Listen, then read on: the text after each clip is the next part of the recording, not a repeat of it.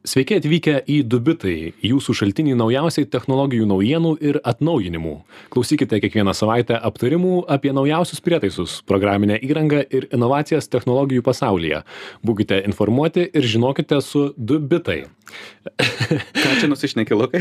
Čia aš šiek tiek nusikalbėjau, bet su jumis ką tik pasisveikino dirbtinis intelektas ir tai jisai sugeneravo ir išvertė šį tekstą, šį pasisveikinimą, paprašytas sukurti 15 sekundžių įžangą į technologijų laidą pavadinimu du bitai. Jos ir klausotės aš esu lukas keraitis o su manimi kaip visada jonas lekevičius. Labas jonai. Labas. E, pakalbėjome robotiškai. Mes su jonu dabar robotų ir robotų pasaulyje kadangi šiandien turėjome daugiau naujienų bet nusprendėme imtis vienos ir didelės. Sako jonas nu žinok užtruksim reiks reiks papasakot.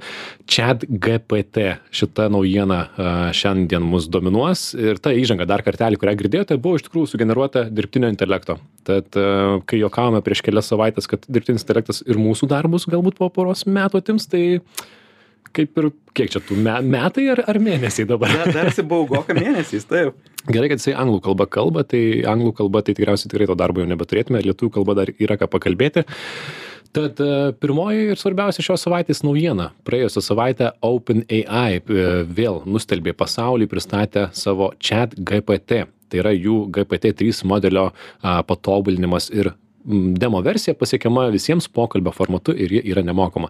Dar kartelį reikėtų paminėti, kas yra GPT-3. Tai yra kalbos modelis, labai kalbai paprastai kalbant, tai yra dirbtinis intelektas, kuris kuria tekstą. Kalbėjome pastarosiais mėnesiais apie dirbtinį intelektą, kuris kuria paveikslėlius video, o šis kuria tekstą. O chat GPT yra jų chatbotas, tai yra pokalbio robotas, kuriam tiesiog gali įrašyti klausimą ir gausi atsakymą ir yra tikrai, tikrai įspūdinga, čia ne Sofija humanoidas robotas, o realūs labai labai protingi atsakymai iš jo išplaukia. Čia GPT yra sukurtas jau prieš tai, jau beveik prieš du metus išleisto GPT-3 modelio, e, konkrečiau GPT-3 e, dydžio DaVinci 2 e, modelio pagrindu.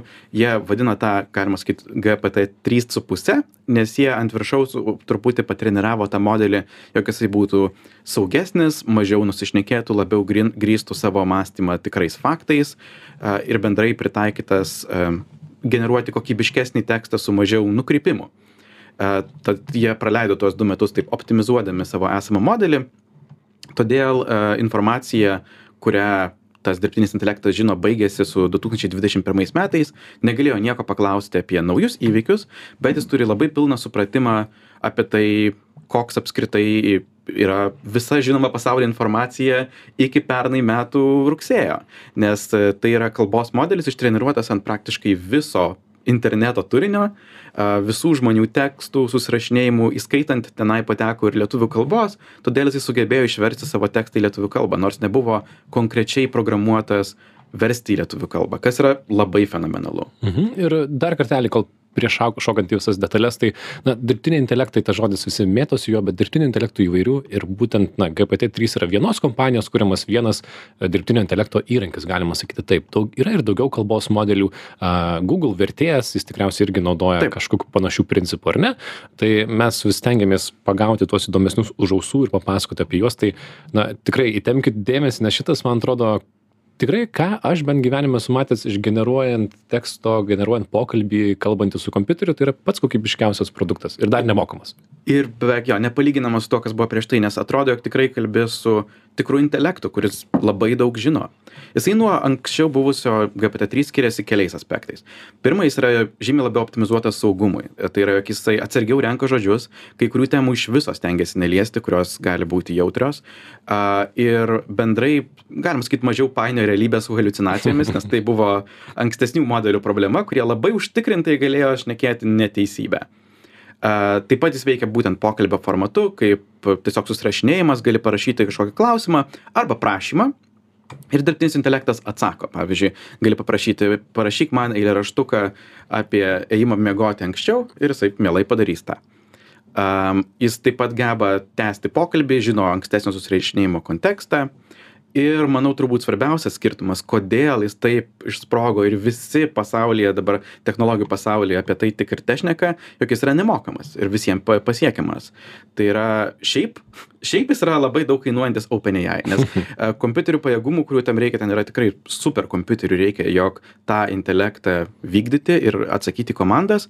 Tačiau openai nusprendė tą sąskaitą pasiimti sau ir leisti žmonėms išbandyti kokio skonio ateina ateitis. Na na ir jie patys sako tai yra demo versija ir tiesą pasakius tai yra nemokamai bet man ta svetainė veikia gana sudėtingai nes daug užkrauna galima tikėtis kad visai apkrova nemaža kadangi visi dabar apie tai kalba ir na susimanys jie ir vieną dieną padarys tai mokamai. Tai žodžiu Taip. a, kol galim tol džiaugiamės. Per mažiau nei savaitę jie iš karto jau turi virš milijono žmonių tad jiem tai tikrai kainuoja sakė ašarojančiai didelės sąskaitos e, moka labai daug bet užtat visi galim išbandyti ir reakcijos yra visi yra tiesiog nustelbti.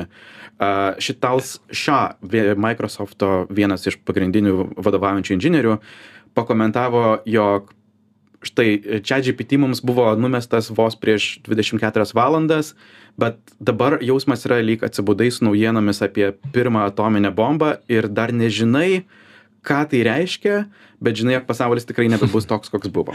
Taip ir dabar mes irgi pasidalinsime pavyzdžiais, ką, ką susirašinėja žmonės su juo, nes, na, įsivaizduotina, kai praeis pirmoji banga, galbūt atsiras daugiau tokių praktinių pritaikymų žmonės, na, galvos, kaip pritaikyti, bet šią akimirką tu tiesiog turi progą pasikalbėti su robotu ir tau įdomu, ką jis mano visomis nuomonėmis, koks yra jo argumentavimo stilius, politinės pažiūros ir be abejo visi bando jį vienaip ar kitaip apeiti, apgauti, pažiūrėti, kur jo yra trūkumai, na, čia jau in internetas. Taip. Stipriausias uh, chat GPT sugebėjimas yra susirašinėjimas ir tekstų rašymas. Tai yra, jis ypač labai gerai rašo straipsnius ir esė. Galima net duoti jam kažkokį atgalinį ryšį. Pavyzdžiui, mano pabandymas šito, šiuo atveju buvo, aš paprašiau parašyti straipsnį politiniam žurnalui apie Kataro futbolo čempionato kontroversiją ir po kelių sekundžių iš karto gavau šešias pastraipas gerai argumentuoto teksto su visom um, istorija šito uh, futbolo čempionato. Ir labai įdomus dalykas tada, jog kadangi tai taip pat yra susirašinėjimas, aš galiu paprašyti papildomų dalykų. Pavyzdžiui, nu, jisai naudoja tą amerikietišką pavadinimą soccer, aš noriu, jog jisai sakytų žodį football. Uh, ir taip pat paprašiau citatų ir jisai įterpė ekspertų citatas į savo tekstą. Kai kurios buvo tikros, didžioji dalis buvo jo išgalvotos, iš išgalvoto ekspertų. Mhm. A, tai jisai sujungia ir išgalvotas, ir realias iš interneto citatas. Taip. Auč, dar, dar sudėtingiau viskas darosi. Dar mes, kad tik linksinomės su Jonu prieš pat laidą, Jonas įrašė irgi, koksai oras bus e, Vilniuje artimiausiamis dienomis ir, na, jis tiesiog išmetė realiai tekstą, kurį galėtų paimti orų pranešėjas, anglų kalba, perskaityti ir, ir jaustumės padaręs pu- puikų darbą. Taip. E, Kitas dalykas, ką GPT, e, čia GPT puikiai sugeba, yra imituoti skirtingus žanrus ir stilius. Gali paprašyti bet kokio teksto, bet kokiu stiliumi. Pavyzdžiui, mano jokingiausias tekstas, pavyzdys, kurį esu matęs, buvo kažkas paprašė Biblijos stiliumi parašyti ištrauką apie sumuštinį įstrigusi video grotuve.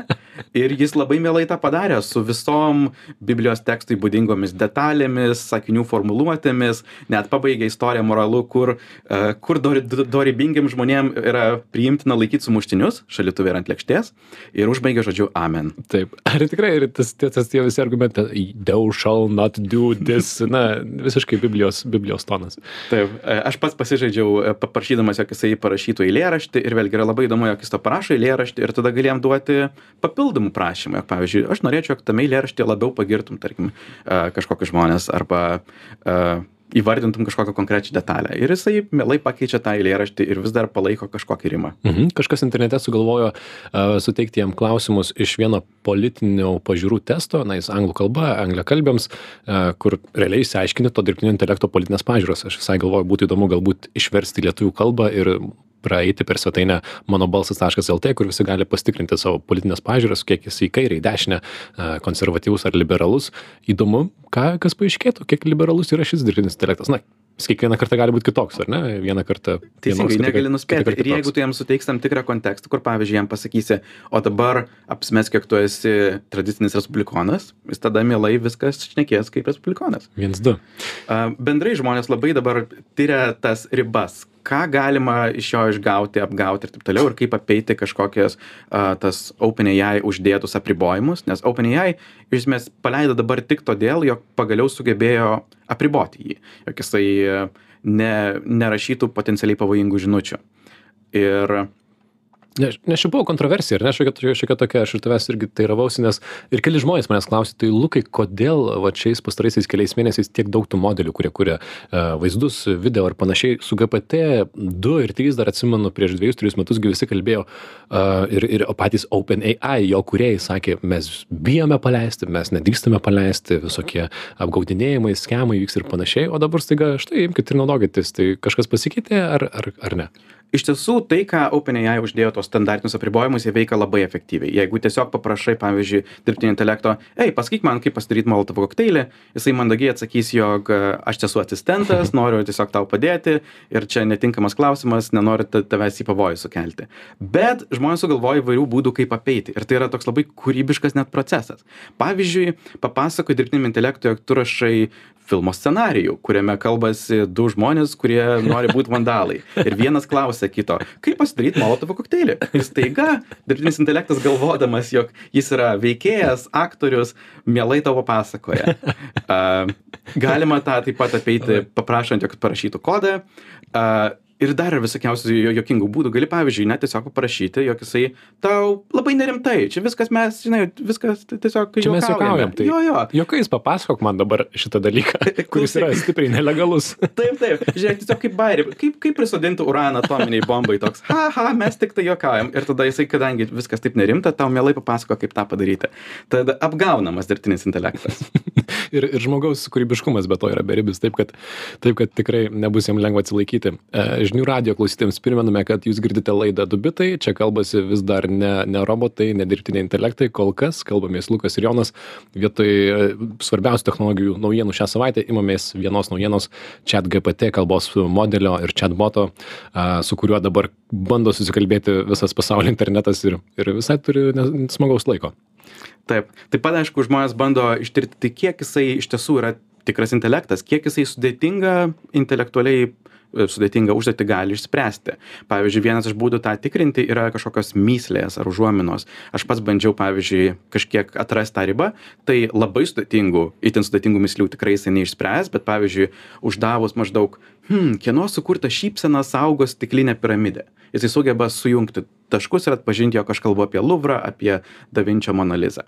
Tad tikrai nekvailas ir todėl gali spręsti ir paprastas myslės, rebusus, padėti išspręsti kryžiažodžius taip pat labai įspūdingai jisai geba simuliuot pakankamai gilias situacijas. Pavyzdžiui paprašius jo apsimesti jog dabar būk operacinė sistema ir atsakinėk man lyg virtualus kompiuteris. Jisai pilnai tą apsimeta gali virtualiai kurti failus kabutėse gali net virtualiai apsimesti jog tu atsidarai naršyklę ir atidarai kažkokį puslapį. Jis negali tiesiogiai prieit prie interneto bet gali įsivaizduoti koks bus atsakymas to interneto puslapio. Jis gali netgi apsimesti, kad yra Linux ar ne, pro- programinė sistema. Pavyzdžiui, nereikia jos įsirašyti. Tiesiog įsivaizduok, kad jis yra Linuxas ir, ir, ir važiuojam. Mhm. Taip pat jisai visai gerai taiso kodo klaidas, pats generuoja kodą, žmonės jau net sukūrė visą kodo projektą, kuriame nėra nie vienos eilutės e, žmogaus parašytos. Tiesiog vien tik tai GPT. Bet jam sakai, irgi sakai taip pat, man reikia programinio kodo, kuris darytų tą ir tą ir gauni, ar ne? Visiškai ir veikianti. A, kiti smulki, tokie įdomus dalykėliai, ką jis gali daryti, gali rekomenduoti filmus, jeigu surašai, kas tau patinka. Galima su juo apsikeisti rolėmis, tuomet jis tavęs uždavinėja klausimus ir tu gali atsakinėti lyg dirbtinis intelektas. Ir gali paprašyti jo generuoti užduotis kitam OpenAI dirbtiniam intelektui daliai, a, tuomet jisai suformuluos užduotį, kokį paveiksliuką sukurti. Čia jau yra dirbtinių intelektų kolaboracija ir, ir žmogaus įsikimšimo tikrai reikia vis mažiau. Tai sakai jam, sukurk tekstą, kuris padėtų sukurti dirbtinio intelekto paveiksliuką. Ir Taip. jis tai padaro, tą tekstą suda, padaro tokį, kurį tas dirbtinio intelekto paveiksliuką kuriantis dirbtinis intelektas suprastų dar geriau. Tai žodžiu, darbo žmogui beveik nelieka. Visiškai. Įdomu yra tai, ko jisai nesugeba. Uh, nes vėlgi, visiems labai įdomu, jog tai atrodo, jog tu šneki su tikru dirbtiniu intelektu, bet jis yra labai keistas dirbtinis intelektas. Tam tikrų labai paprastų dalykų jisai nesugeba, vien todėl, jog jis yra kalbos modelis, skirtas generuoti tekstą. Ir tie dalykai, kurie nėra savaime tekstas, iškrenta iš jo rėmų. Pavyzdžiui, su matematika jam yra visai sudėtinga, kas ganėtinai keista kompiuteriui, ar ne? Gali paprašyti sudėti triženklius skaičius, ir juos jis jau yra išmokęs mintinai nes internete yra tiek daug triženklių su triženklės dėjybos e, pavyzdžių jog jisai mintinai išmoko visus atsakymus bet jeigu parašai keturženklio jau dažniausiai nebepataiko kitas labai absurdiškas dalykas. Jisai nieko nesugeba laikyti savo tyliai atmintyje.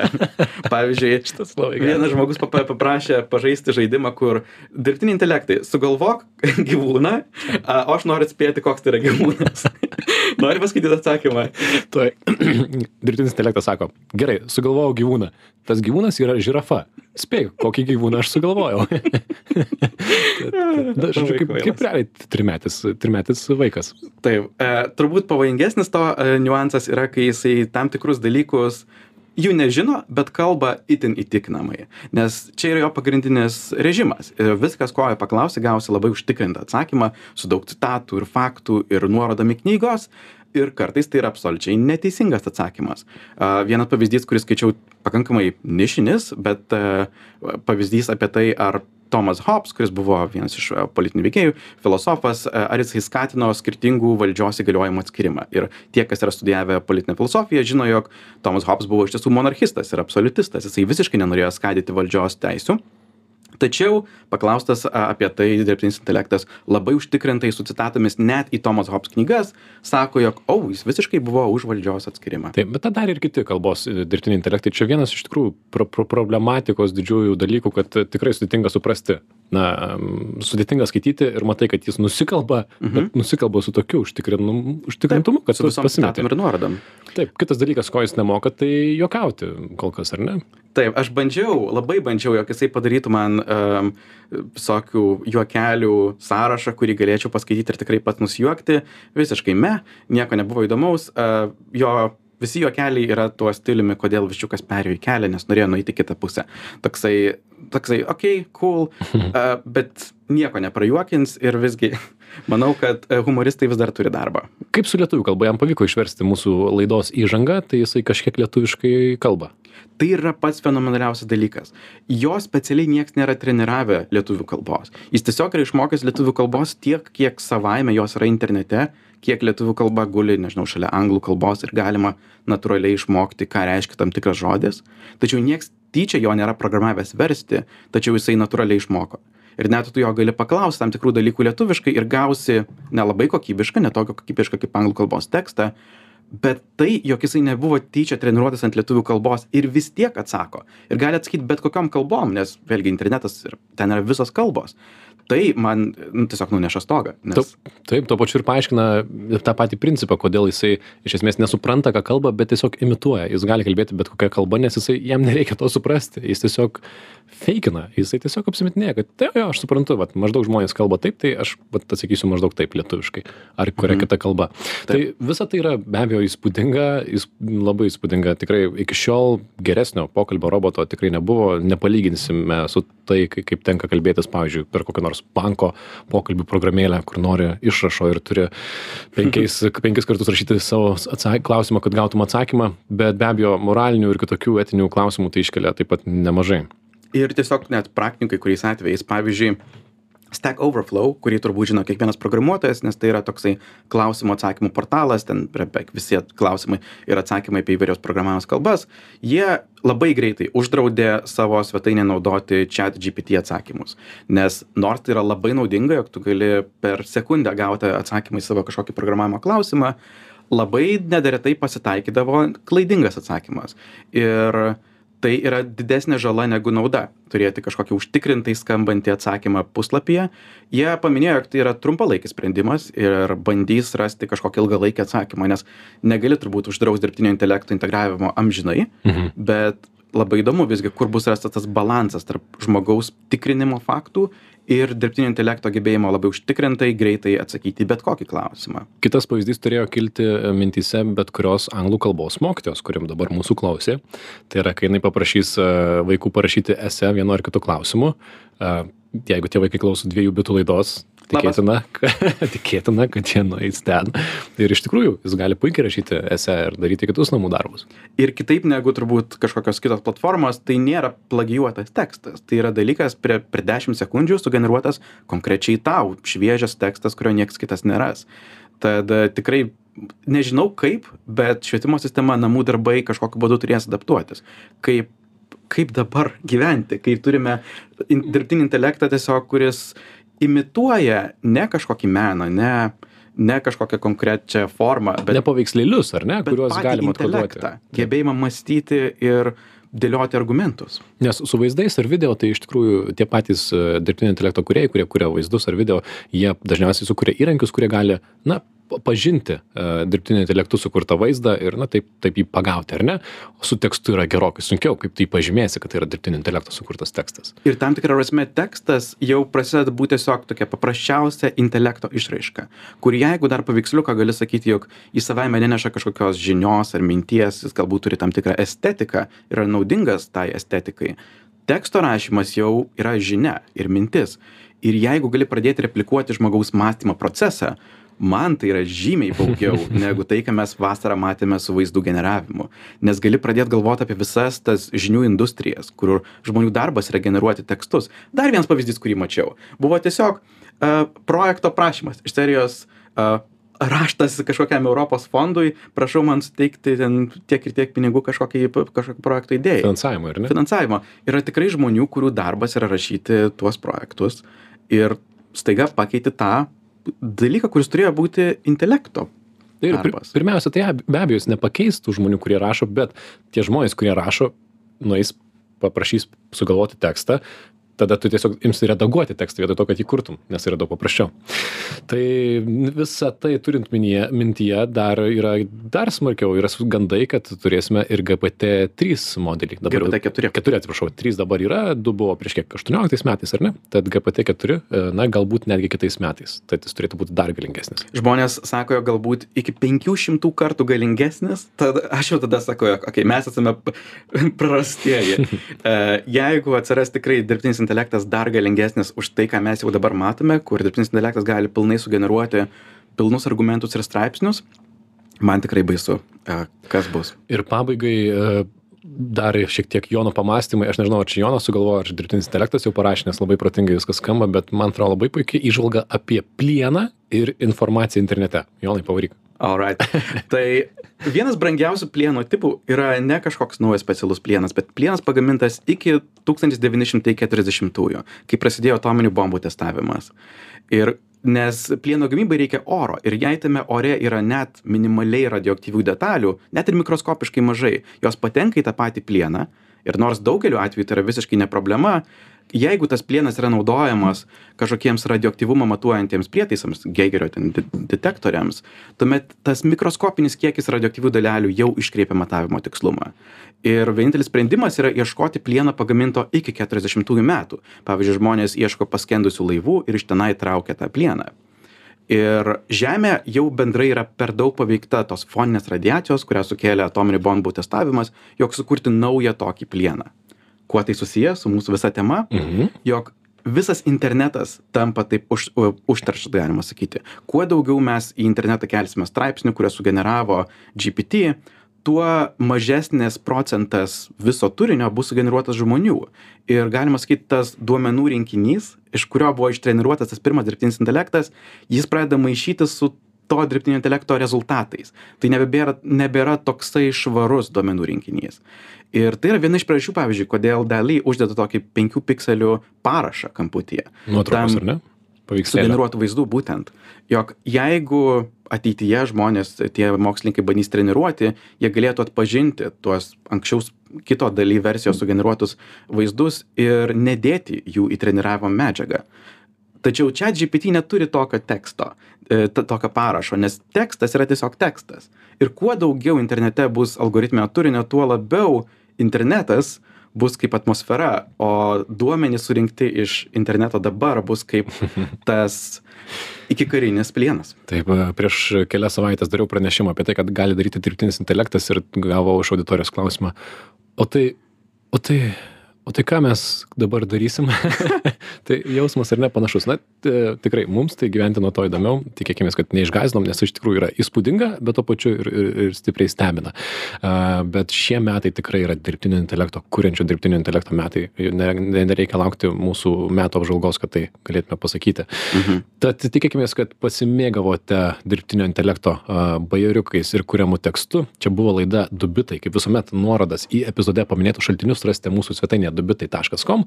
Galima mūsų klausytis visur, kur jums patangu, kaip tik tinklalaidę per Spotify ir visas kitas programėlės. Prie, jeigu norite kitų laidų įrašus, galite rasti žiniųradijas.lt, technologijų naujienos Facebook grupėje, kur mes karts nuo karto papostinam. Ir čia buvo Lukas Keraitis ir Jonas Lekevičius ir dar šiek tiek dirbtinio intelekto. Sakom, iki kitos savaitės. Iki. Iki.